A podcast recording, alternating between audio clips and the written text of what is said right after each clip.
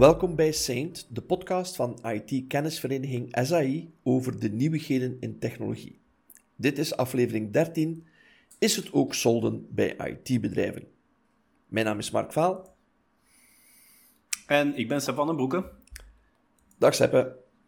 Dag Mark. Een nieuw jaar. Een nieuw jaar, een nieuwe exploit. En een nieuwe exploit, ja, dat heeft uh, denk ik niets met solden te maken. Het zijn misschien voor uh, hackers die, uh, die op zoek zijn naar nieuwe zero-day exploits. Ja, klopt. Toch een heel, ook weer een exploit die de wenkbrauwen doet fronsen bij heel veel mensen om twee redenen. Eén, het gaat over Linux, wat toch altijd wordt geacht als toch een vrij robuust systeem met open source en veel review en dergelijke meer. En twee, inderdaad, omdat de exploit zo eenvoudig is toe te passen. De enige voorwaarde is uiteraard dat je wel toegang al hebt tot het systeem. Dat is de enige voorwaarde. Dus niet van buitenaf exploitable, maar wel van binnenuit exploitable. Maar gegeven dat de meeste Linux-systemen uh, als server dienen, uh, ja, is de kans wel vrij groot dat er wel een gebruiker toegang heeft, hè, als zijnde niet root. Dus het is eigenlijk vrij makkelijk exploiteerbaar. Ja, absoluut. Het is uh, super gemakkelijk en um, het werkt heel goed. Ondertussen zijn er al een aantal uh, Linux-versies, zoals Ubuntu, Debian, uh, die al een patch hebben uitgebracht, die ook het probleem oplost. Maar het is toch weer zo een kemel dat je denkt van, ja, wat vertellen ze ons nog niet? Hè? Dus het is terug een beetje zo het, het verhaal van de onbekende fout die ingeslopen is in een open source software Waarbij na Log4j er al heel veel, uh, vorig jaar, heel veel stemmen op kwamen om meer controle uit te voeren op mm open source softwarebibliotheken. Dat toch een keer grondig te onderwerpen een aantal security controles. Uh, maar ja, je ziet, de wereld gaat, draait door en het gaat altijd veel sneller dan voorzien. En dan komt deze ook naar boven. Um, dat is toch weer al een teken aan de wand dat er uh, nog meer problemen te verwachten zijn dit jaar. Het is het is ook weer markant dat het uh, blijkbaar een exploit is die uh, al 12 jaar oud is. Ja. En zelfs mensen die uh, eenmaal dat het uitkwam, die zeiden, ah vreemd, ik heb daar negen jaar geleden of elf jaar geleden, heb ik daar ook al iets over gezegd dat daar problemen mee waren. En kijk nu, het gat is nog niet gedicht. Dus ja, open source toch niet altijd gelijkaardig aan elk regeltje code is ook gecontroleerd en gecheckt. Ja, en het, is toch uh, wederom uh, positief is, men ontdekt het, men heeft er nu rugbaarheid aan.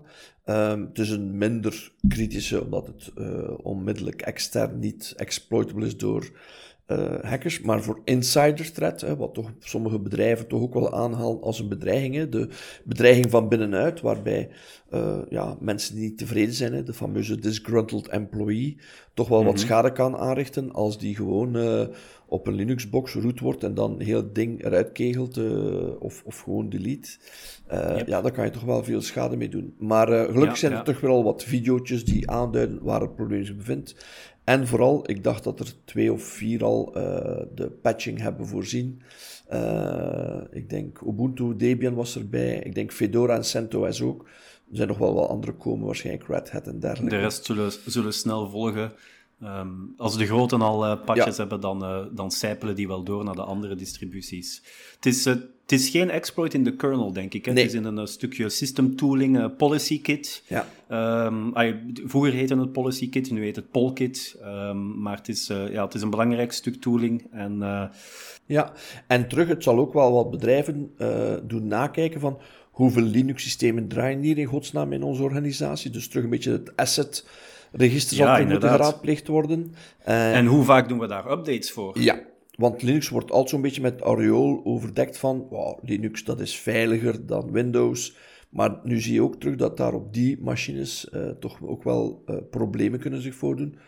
Het is niet zo dramatisch. En zeker ook uh, de tendens van sommige systeemadministratoren. We zullen maar niet updaten, want uh, de boel draait stabiel. En uh, we willen ook niet herstarten. Maar eigenlijk een compleet verkeerde tendens. Hè?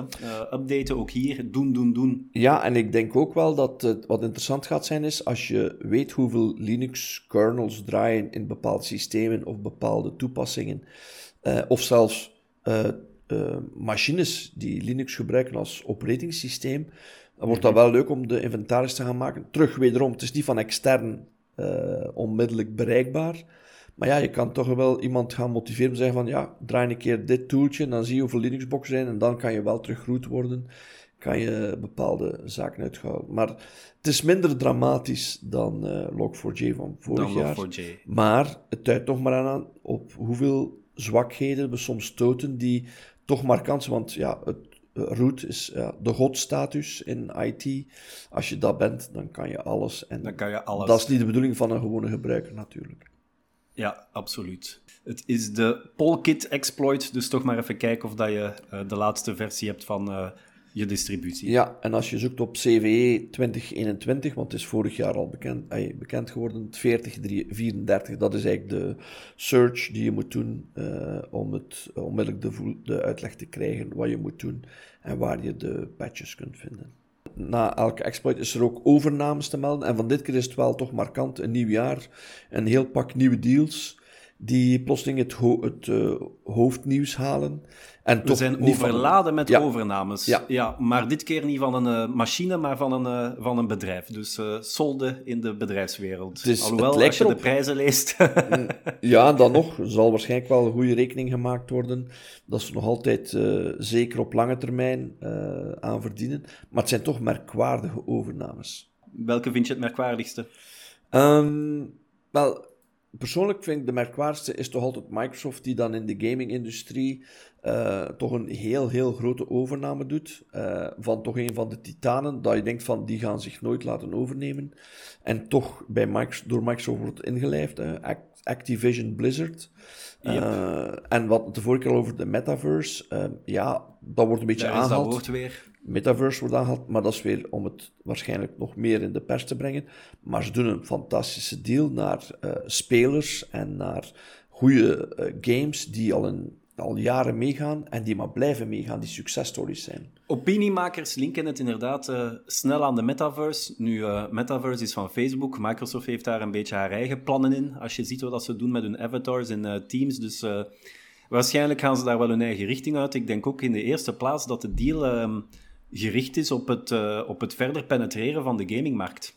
Ik denk dat dat uh, hun eerste doel is. Uh, ze hebben eerder al Bethesda Softworks overgenomen, makers van Skyrim onder andere en, en Fallout. En nu Activision Blizzard voor 60 miljard euro, voornamelijk gekend van Call of Duty, Diablo, World of Warcraft, ook een very common household name. Ja. Het is, als de deal zou doorgaan, dan ja, krijgen ze, want natuurlijk Activision Blizzard heeft ook allerlei subbedrijfjes en ontwikkelaars. Ze krijgen een heel groot stuk van de taart in handen. En moest ik bij Sony zitten als directeur, dan zou ik toch al beginnen zweten. Ja, absoluut. Die uh, hebben onmiddellijk al een, een uh, patat gekregen op de beurs, uiteraard.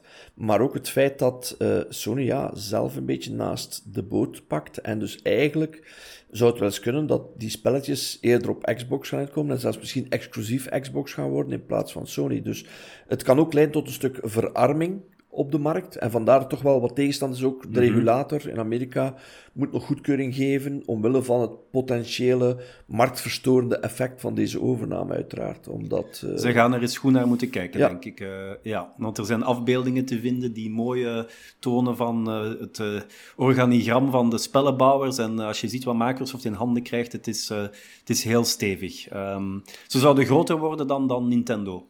Mhm. Dus uh, dat wil al iets zeggen. Ja. Um, en ik denk dat ze niet rechtstreeks de concurrentie met Nintendo willen aangaan, want die zitten in een vrij andere markt, voornamelijk handheld gaming, meer gericht naar een jonger casual publiek.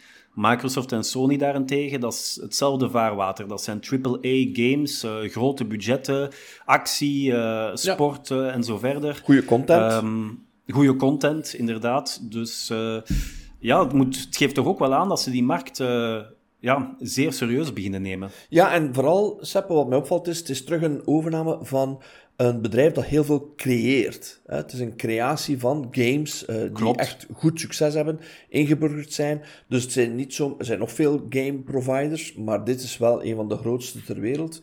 En het, het, verrassende is dat die effectief zeggen, ja, we zien dat wel zitten om overgenomen te worden en mee te aansluiten op de Xbox-omgeving. Uh, uh, dat is uiteraard uh, enorme booster voor Microsoft natuurlijk. Met en PC natuurlijk ook. Ja. Het merendeel zal wel Xbox zijn, maar eh, je hebt daar die Xbox Game Pass. Dat is eigenlijk een beetje een à la carte systeem als Netflix. Je betaalt een maandelijkse subscriptie. En je krijgt daarmee een, eh, een hele waslijst aan games die je gratis kan spelen. Dat is de toekomst, hè. dat is uh, klaar en duidelijk. Dus uh, als je ziet wat dat de anderen doen qua concurrentie. Ja, Mac bijvoorbeeld staat niet gekend over een interesse in games. Nee. Dus als ze willen zeggen, ja, Windows en Xbox, maar ook Windows blijft een uh, valabel platform onder de gewone consument. Gaming speelt daar wel een belangrijk onderdeel in. Dus uh, ja, het is, uh, ze smijten er veel geld tegenaan, maar het zal wel met een, een duidelijke reden zijn. Ja, ik denk het wel. En, en ja, het is vooral de bedoeling om hun Xbox-ecosysteem te verstevigen. Uh, om ervoor te zorgen dat, dat die omgeving, die community, niet enkel op uh, telefoon, smartphone, tablets, maar laptops, maar ook op alle andere devices. Maar men, inderdaad, ik heb de indruk dat Microsoft dat ook gebruikt om weg te gaan van de pure Xbox uh, box op zich, maar men echt meer een soort as a service, gaming as a mhm. service wil gaan, wat al ingezet was door een aantal bedrijven en door deze overname. Uh, wordt versterkt. Google was een van de eerste. Je ziet nu Microsoft die zijn slag slaat en daar uh, echt wel een, een Maar opnieuw daar weer die vraag. Wie weet nemen we binnenkort deel aan een Teams-vergadering in een exclusieve digitale outfit in een videospel. Ik denk niet dat we in Call of Duty aan een Teams-vergadering gaan deelnemen. Nee. Uh, Nee, maar als je ziet, uh, hoe groot de gaming-industrie is. Dus de gaming-industrie, de e-games zijn veel groter dan de fysieke sporting games. Hè. Voilà, en dat is net mijn punt. Ik denk dat we het niet ver moeten zoeken. Ik denk dat het hun gewoon gaat over die gamemarkt, metaverse of geen metaverse, dat daar geld mee te verdienen. Ze is groter dan de filmindustrie, dus ik denk dat daar wel de winst in zit. Ja. Zonder dat we het bij Mark Zuckerberg moeten gaan, uh, gaan zoeken. Maar het is nog niet 100% zeker. Het moet nog goedgekeurd worden door de mededingingsautoriteiten in de Verenigde Staten. Uh, om te zien of dat uh, toch wel uh, goedgekeurd wordt. Dat blijft nog Absoluut. En over goedkeuring gesproken, er is er ook eentje die de overname heeft opgegeven. Nvidia was van plan om ARM, grote chipsetbouwer, voornamelijk voor embedded devices en smartphones, over te nemen, maar ja, het lukt toch niet goed. En het is geen kwestie van prijs, want die was afgesproken, maar het is een kwestie van uh, de regulatoren die toch vonden van mm, zo krijg je toch wel een groot stukje van de, van de taart in handen. Ja, misschien met reden. Hè. ARM is een, uh, een zeer grote speler in die markt. Ja, klopt. 40 miljard, dat is ook een... Uh mooie, mooi. mooi budget dat men ervoor over had om dit over te nemen. Um, en uh, ja, terug een beetje een, een ja, kleine ramp voor Softbank. En dankzij de chip shortage ondertussen, want de deal uh, is al een aantal jaren in de maak. Het was 40 miljard en ondertussen is het al aangegroeid, aangedikt tot 75 miljard. Ja. Maar uh, Intel, Google, Qualcomm, die waren er allemaal niet, uh, niet zo blij mee. Nee. Maar je weet, de grootste investeerder in, in ARM is Softbank, die al een mhm. klap had gehad met WeWork in der tijd. Uh, ook niet echt uh, succesvol. En nu ARM, de overname, is ook weer al cash die ze niet binnenkrijgen. Dus ik denk dat daar ook uh, iemand gaat beginnen zweten. dat Softbank als investeerder toch ook wel een aantal ja, jammere Jammer voor hen, denk ik, maar uh, het moet gebeuren, want ARM is inderdaad toch wel in uh, de wereld, wordt, wordt toch aanzien als een van de kroonjuwelen in de chip-architectuurtechnologie. Dus. En het heeft ook weer een, eh, een politiek kantje. In China zagen ze het ook niet zitten, want uh, stel dat de US dan het in hun hoofd zou krijgen van, ah, ARM-chips mogen ook niet meer verscheept worden naar China, zoals ze in het verleden al hebben, of zoals dat Trump in het verleden al heeft gedaan dan zitten ze daar wel met een groot probleem. Want eh, ARM, die chips zitten echt in quasi uh, iedere smartphone die je maar kan vinden. Huawei koopt er massaal veel op. Dus uh, de battle of the semiconductor continues. Ja. daar lijkt het ook op. Ja, klopt. Zelfs Europa had zich er ook al mee gemoeid om te kijken van, tja, kan dit, is het niet te groot? Ook omdat ARM natuurlijk een Britse roots heeft. Was ook toch wel een stukje Europees gezien, groot Europa gezien, ook wel zo weer een van de sterkhouders die dan potentieel zou verdwijnen uit de grid. Maar ja, oké. Okay.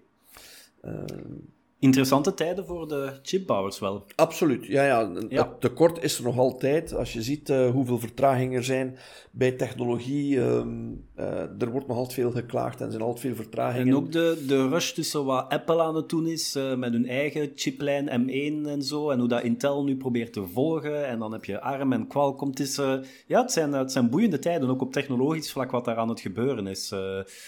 Men gaat echt naar het systeem van meer cores, meer efficiënter en zo. Dus uh, ja, ik denk dat we in de komende maanden nog een, een paar leuke aankondigingen gaan zien daar rond. Ja, en, en de, de, de beperkingen, het is een vraag-aanbodmarkt en uh, voorlopig is het uh, aanbod zeer klein in vergelijking met de vraag natuurlijk in de markt. Zeker met de digitalisering. Als je ziet dat sommige automerken al hun lanceringen uitstellen met twee, drie mm -hmm. jaar. Uh, ja, voor een nieuw model, dan, dan begin je echt in je haar te krabben van oké, okay, nou waar gaat dit? Want de wereld wordt digitaler, dus het gaat enkel maar uh, erger worden en de vraag gaat enkel maar groter worden. Nu dat bitcoin in elkaar is gestort, is er hopelijk beterschap in zicht voor de, voor de GPU's alvast, maar we zullen zien. ja, ja, we zullen zien. Ja, dat is maar, ik denk, een, een, een tijdelijk uh, fenomeen, maar we zullen zien. Een ander, um, uh, toch wel verrassend verhaal in omgekeerde richting was de afstoting van Watson Health. Um, door IBM. IBM die toch altijd Watson een beetje aanhaalt als een kernproduct. En plotseling toch wel uh, ja, te kennen geeft dit jaar van uh, we stoten onze Watson Health divisie af. Uh, ik ben niet verbaasd. Ja, mij was het een beetje raar, want je, je, doet toch geen pro product weg waar je toch heel veel reclame en toch als uitgang aan wordt gebruikt. Oké, okay, het is maar Watson Health. Maar het is dat, Health, maar, maar dat een heel andere product en divisie, dat is eigenlijk zelfs geen product nog niet. Um, dan Watson. Ik denk, dat ze die, ik denk dat ze de naam of de rechten erop wel zullen behouden voor hun algemene AI-tooling, machine learning tooling. Dat is, dat is Watson voor IBM. Dat hebben ze ook heel snel zo gedaan. Mm -hmm. uh, Watson was oorspronkelijk hun research-lijn uh, rond de natural text. Heel eigenlijk uh, avant la lettre. Ja. Um, waarmee dat ze nog hebben meegespeeld in Jeopardy. Sommige mensen herinneren zich dat vast nog wel. Live uitgezonden op tv. Een computer die Jeopardy speelde, ongezien. Uh, dan nog voor Google en Deep Learning eigenlijk. Nog gebaseerd op technologie van eerder die taal kon begrijpen. Mm. Um, IBM heeft toen twee dingen beseft. Enerzijds van, oké, okay, dit werkt. Waar kunnen we dat gaan gebruiken? En anderzijds, hm, die naam Watson, dat is nu, iedereen kent die nu. Laat ons dat gaan kleven op al onze AI-initiatieven. Ja. Die laatste zet was briljant. Ja. Want elke manager die dacht, oh Watson, daar heb ik wel iets over gelezen, dat moeten wij ook hebben. Ja. Dus dat is typisch IBM, het marketingkanon, het saleskanon, geen probleem. Ondertussen, die health, um, dat is een beetje gegroeid uit, ja, ze hadden dan die technologie en ze hebben zich afgevraagd, ja, wat, wat heeft er veel tekst en wat is heel complexe materie? je komt eigenlijk bij een aantal zaken vanzelf uit. Dat is de legal sector, wetteksten en dergelijke meer. Mm -hmm. Of bij um, patiëntengegevens, uh, rapporten van dokters en kunnen uh, steunen op een enorme knowledge of body van alles wat met ziektes en, en, en aandoeningen en dergelijke meer te maken heeft. En dokter als iemand diagnosticeert met een zeldzame ziekte of Um, iemand is, is volledig uitgediagnosticeerd. Ja, die vraagt zich af, wat zou het nog kunnen zijn? We zullen nog eens een bloedcheck doen of dit doen. En het idee was, ah, we gaan dit verkopen aan een aantal hospitalen. We gaan daar, uh, of dat was het plan, we gaan daar een aantal testen mee opzetten. Dat ding kan lezen door alle rapporten van de patiënten. Die kent alles van uh, de medische wetenschap. Dus die gaat kunnen uh, een hint geven aan de dokter van, zeg, heb je al daar eens naar gekeken of het zou ook dit kunnen zijn? Ze zijn dat in de VS beginnen uh, aanbieden, of ze hebben daar testruns mee gedaan met een aantal ziekenhuizen. En doorheen de jaren, ja, telkens met veel fanfare aangekondigd, maar eigenlijk toch altijd geëindigd op een sisser.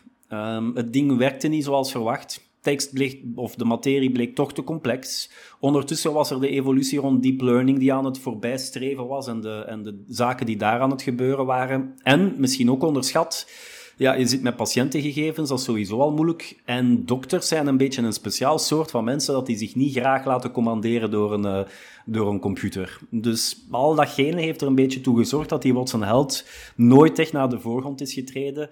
En um, ja, als je ziet wat de anderen nu doen in healthcare, bijvoorbeeld um, DeepMind met uh, AlphaFold, proteïnefolding en daar uh, veel meer resultaten en betere resultaten neerzetten. Ik denk dat ze hebben beseft van, mm, we hebben hier al veel geld aan verloren dit gaat niet meer lukken. Ja, en ik denk ook dat het, het komt dat de IBM-CEO, uh, Arvind Krishna, zegt van ik wil puur naar hybrid cloud oplossingen. Hè. Ze hebben een tijd Red Hat overgenomen.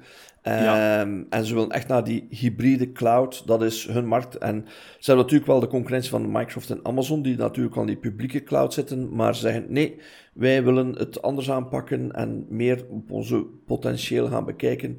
Um, en dus ja, zij willen echt die IBM klanten de kans geven ofwel on-premise te blijven of in de cloud, maar of hybride. Niet iedereen wil zomaar zijn eigen Wat zou je zelf doen als je al uh, zoveel bedrijven, als uw grootste klanten bedrijven zijn die zoveel mainframes hebben staan van de IBM, dan zou ik ook een hybride cloud aanraden. Hè? Ja, absoluut. En, laten we eerlijk zijn, de mainframes blijven nog altijd heel sterke machines uh, voor volumecapaciteit uh, te draaien. Ze zijn niet verdwenen. Tot op de dag van vandaag bestaan ze nog altijd. Ze zijn geëvolueerd. En ze zijn uh, meer met Linux en dergelijke, vandaar die Red Hat overname. Maar ja. inderdaad, hybride um, is nodig. En dus vandaar dat het Watson-Health-verhaal blijkbaar niet meer paste in het, het plaatje, strategisch gezien. En dus ja, maar het is toch verrassend dat men heeft er ook een jaar over gedaan om het weg te doen. Maar het is toch Mhm. een, uh, ja, een stukje van een bekende naam die plotseling wordt afgestoten. En veel mensen gaan misschien verwarren met Watson is afgestoten door Dat IBM. gevaar bestaat inderdaad. Dat uh, als managers nu dit lezen, dat de marketing omgekeerd gaat werken en dat men het idee gaat hebben van oei, die Watson, uh, dat is niet goed of zo. Ja. Dus daar moeten ze wel een beetje voor opletten. Ja. Inderdaad, dat risico bestaat wel. Ja, IBM, het is een, het is een mastodont van een bedrijf, een gigantisch vlaggenschip, maar ze gaan uh, zich toch uh, snel moeten een beetje heruitvinden en een beetje schwung, of hoe zeg je dat, dash brengen in de, in de boel om, uh, ja, om bij te benen. Hè? Want als je ziet, Microsoft, Google, Amazon, die hebben daar toch allemaal al veel van de markt veroverd. Dus ja, die hybrid cloud, we Ja. zullen zien. En een ander die een beetje de cloud-transitie heeft gemist, is Citrix. Hè. Citrix, eh, je ziet dus duidelijk de bedrijven die strategisch niet op die cloud-boot zijn gestapt of meegestapt met dezelfde enthousiasme, eh, krijgen het moeilijk. En Citrix is er ook een slachtoffer van, die toch niet echt, eh, ges, eh, echt eh, furore hebben gemaakt op de markt. Voor wat betreft Laten we het eh, zo cloud. zeggen, in de afgelopen twee jaren was het niet het eerste bedrijf wat dat je als gewone sterveling aan dacht, als je dacht van we gaan eens online meeten op een vlotte Ja, manier. Klopt. dus eh, ja, Nochtans, ze waren telewerkspecialist, dus je zou zeggen, absoluut. het zou voor hen moeten een ontploffing geweest zijn. Maar Ja. er is iemand anders met die eh, zaak gelopen, dat is Zoom geweest. En die zijn hebben heel die markt overgenomen, gevolgd door Teams van Microsoft. En Citrix is een beetje ja, achtergebleven en, en niemand dacht van oei. Dus ja, daar ook zie je dan een, een evolutie waarbij dat eh, Citrix van de beurs wordt gehaald. eh, voor Ja, slechts. Ze zijn van plan om er weer een privébedrijf van Ja. te maken. Eh, ja, en de opkopers hopen dat ze zo een beetje eh, met de bezem erdoor kunnen gaan en eh, zeggen van jongens, wat zijn onze sterktes? Laat ons dat hier eens allemaal goed in elkaar zetten en eens de tijd nemen om echt weer een, een topproduct af te leveren. Dus, en die kans bestaat wel, denk ik. Ik denk dat het geen slechte zet is. Een beetje los van de druk van de beurs is nadenken van eh, hoe wat zijn onze sterktes, waar zit het eh, vet dat we eraf kunnen snijden. Ah, ik hoop toch op, eh, op beterschap voor Citrix. Ja, vooral omdat ze ook met Google Cloud samenwerken en eh eh, ze hadden toch een aantal eh, partnerschappen aangegaan om het toch te verbeteren. Eh, ook hopen ze eh, op termijn, maar wat meer met business intelligence. Maar het is toch een ver van bedshow en ze hebben toch een beetje de, de kans, de unieke kans gemist om zich echt wereldwijd te profileren als de, de referentie voor telewerken. En dat is wel Mhm. een beetje jammer, want daar wordt binnen in de IT-wereld wordt Citrix toch meestal met die eh, telewerk eh, geassocieerd als, als hoofdopdracht. eh. virtuele applicaties, desktops beheren, eh, Ja. dat, dat is toch hun sterkte geweest, op een veel veilige manier ook. Maar ja, blijkbaar niet gelukt. En, en Ja, je hebt gelijk. De pessimist zou zeggen van jongens, als het in de voorbije twee jaar niet gelukt is om met zo'n pedigree jullie te profileren als het telewerkbedrijf en overal gebruikt te worden, dan is er toch iets goed mis. Dus Ja, verkeerde keuze gemaakt. Dus daarmee zie je ook van, je mag nog zo groot zijn, je moet altijd eh, goed voelen wat de markt zoekt, wil. Eh, en soms moet je niet te hoogdravend denken van, goh, we zijn wie we zijn. Eh stilstaan is achteruit gaan, dat wordt toch maar eens bewezen. Het is echt eh vooruit gaan. En zeker ook, ja, sommige start-ups, à la Zoom, kunnen u overnemen. eh, op pakken in snelheid, op, op marktaandeel en in visibiliteit en in gebruiksvriendelijkheid. Waardoor dat ja, sommige merken toch wel en sommige bedrijven, ik vermoed in de toekomst, zeker dit jaar, zwaar gaan moeten uit hun doppen kijken. Of ze worden ook eh, slachtoffer van een potentiële overname. Eh, die- en het kan soms heel snel gaan in deze wereld, heb ik de indruk. dan hebben we nog een uitsmijter. Ja, De Quizvraag is eh, DSA, waarvoor uh, staat het? En uh, is het even erg als de GDPR? ja, de Digital Services Act van Europa. Dus eigenlijk een beetje een tegenwicht van, enfin, een beetje het Europa-digitaliseringstraject van de Europese Commissie, waarbij men toch wel een stukje, een aantal zaken wil rechtzetten, toch een stuk bescherming wil in, inbakken, maar vooral ook digitaal Europa wil realiseren. Ja, op Europees niveau natuurlijk is dat een heel goed initiatief. En een van die componenten is eh, DSA, de Digital Services Act, die overheen Hans Europa uh, plaats zal hebben om zowel de burger als de bedrijven als de leveranciers van digitale diensten um, als overheden eigenlijk mee in het bad te trekken om uh, betere keuzes te hebben, uh, lagere prijzen, uh, zekere juridische harmonisatie, zodat het gemakkelijker is om, om zaken op te starten. Maar uiteraard, ja, doorheen Europa, dus een level playing field, ja, dan weet je dat je daar toch wel met een aantal extremen zit die je moet samenvoegen tot een soort compromis. En dat is toch niet uh, van de poes, maar het is aangekondigd. Uh, het is, staat op de reis, uh, men is mee bezig. er zijn heel veel zaken die verplichtingen die ze met zich meedragen. Maar ja, er komt heel veel bij kijken. Ik vermoed, Seppe, dat we hier toch wel dit jaar nog een aantal aandachtspunten hebben. We gaan misschien zelfs hier ook een aantal sessies over organiseren, omwille van de mhm. potentiële impact naar toepassingen, systemen en dergelijke meer. Ja, in theorie heeft het niets aan voordelen. Een uh, eengemaakte wetgeving, prachtig. Meer bescherming voor uh, digital citizens, als je het zo wilt noemen, ook schitterend.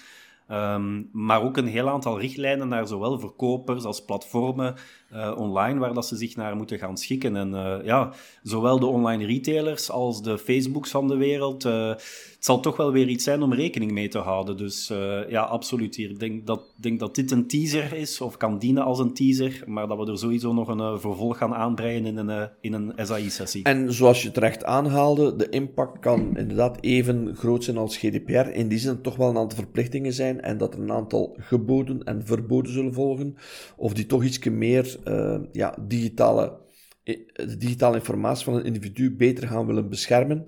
Um, en dus het zou zelfs nog kunnen, ja, eigenlijk de promotie van digitalisering, maar op een veilige uh, manier, met respect voor de rechten van elk individu en elk bedrijf. Uh, het zal toch een uh, element zijn dat meespeelt, inclusief zelfs uh, zaken zoals desinformatie vermijden of sneller aanpakken. zaken zoals ja, die, die advertising, de, de marketing mm -hmm. die men doet. de influencers moeten toch meer aangeven voor waar ze voor betaald worden, waarvoor niet.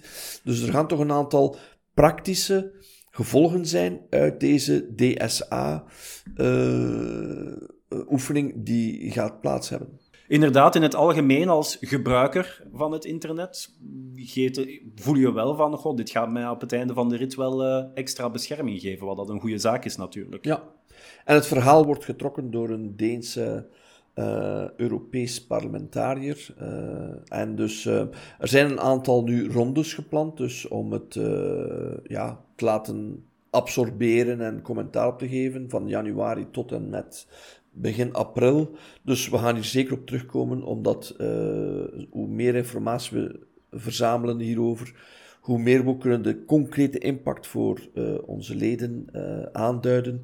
Uh, qua ja, applicatie, wat mag, wat mag niet. Maar vooral ook, ja, zeker als je globaal actief wil zijn, waar ga je moeten rekening mee houden? En men spreekt soms dat het contraproductief kan werken voor Europa. Anderzijds legt men terug de lat een stukje hoger. Net zoals de lat heeft gelegd naar privacy, die toch wereldwijd ja. meer en meer wordt aanvaard als de lat. Ja, inderdaad. Je ziet dat in andere landen dat ze bezig zijn met gelijkaardige wetgeving als de GDPR en dat men elk met hun eigen aanpassingen, maar dat ze nu toch kijken naar de GDPR als de referentie. De US doet dat, in andere landen doen ze dat. Dus uh, wat dat betreft is, uh, zoals dat je aangeeft, Europa wel een, uh, een voorloper daarin. Ja, en ik denk ook voor dit zal terug Europa de voorloper zijn, want er is geen enkele andere regio die een dergelijk totaalpakket gaat mhm. aanbieden als een soort Digital Services Act. Um, voor een totaalpakket. En uiteraard zullen nog veel uh, aanpassingen gebeuren tussen nu en uh, april. Maar mhm. niettemin, het zal toch terug een, een richtsnoer zijn voor heel veel organisaties, maar ook, ja, er zal natuurlijk veel impact zijn naar wat mogen marketeers, hoe mogen HR-bedrijven omgaan met informatie, hoe mogen bedrijven buiten Europa, als die willen toetreden, hoe dan gaan die zich moeten aligneren. Dus ik mhm. verwacht wel heel veel naar impact en naar rechten uh, toch een verhoging van de rechten terug van de burger, maar op een veel breder plaatje dan enkel maar privacy.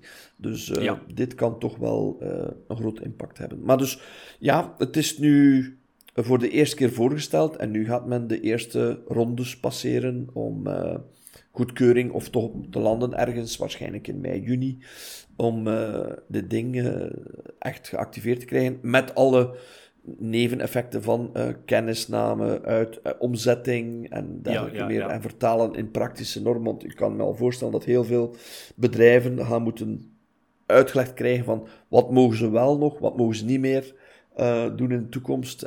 want het zal toch een impact. En zeker ook voor bedrijven buiten Europa die gebruik maken van digitale informatie van de burgers. Dat zal toch wel een zeer zware impact hebben.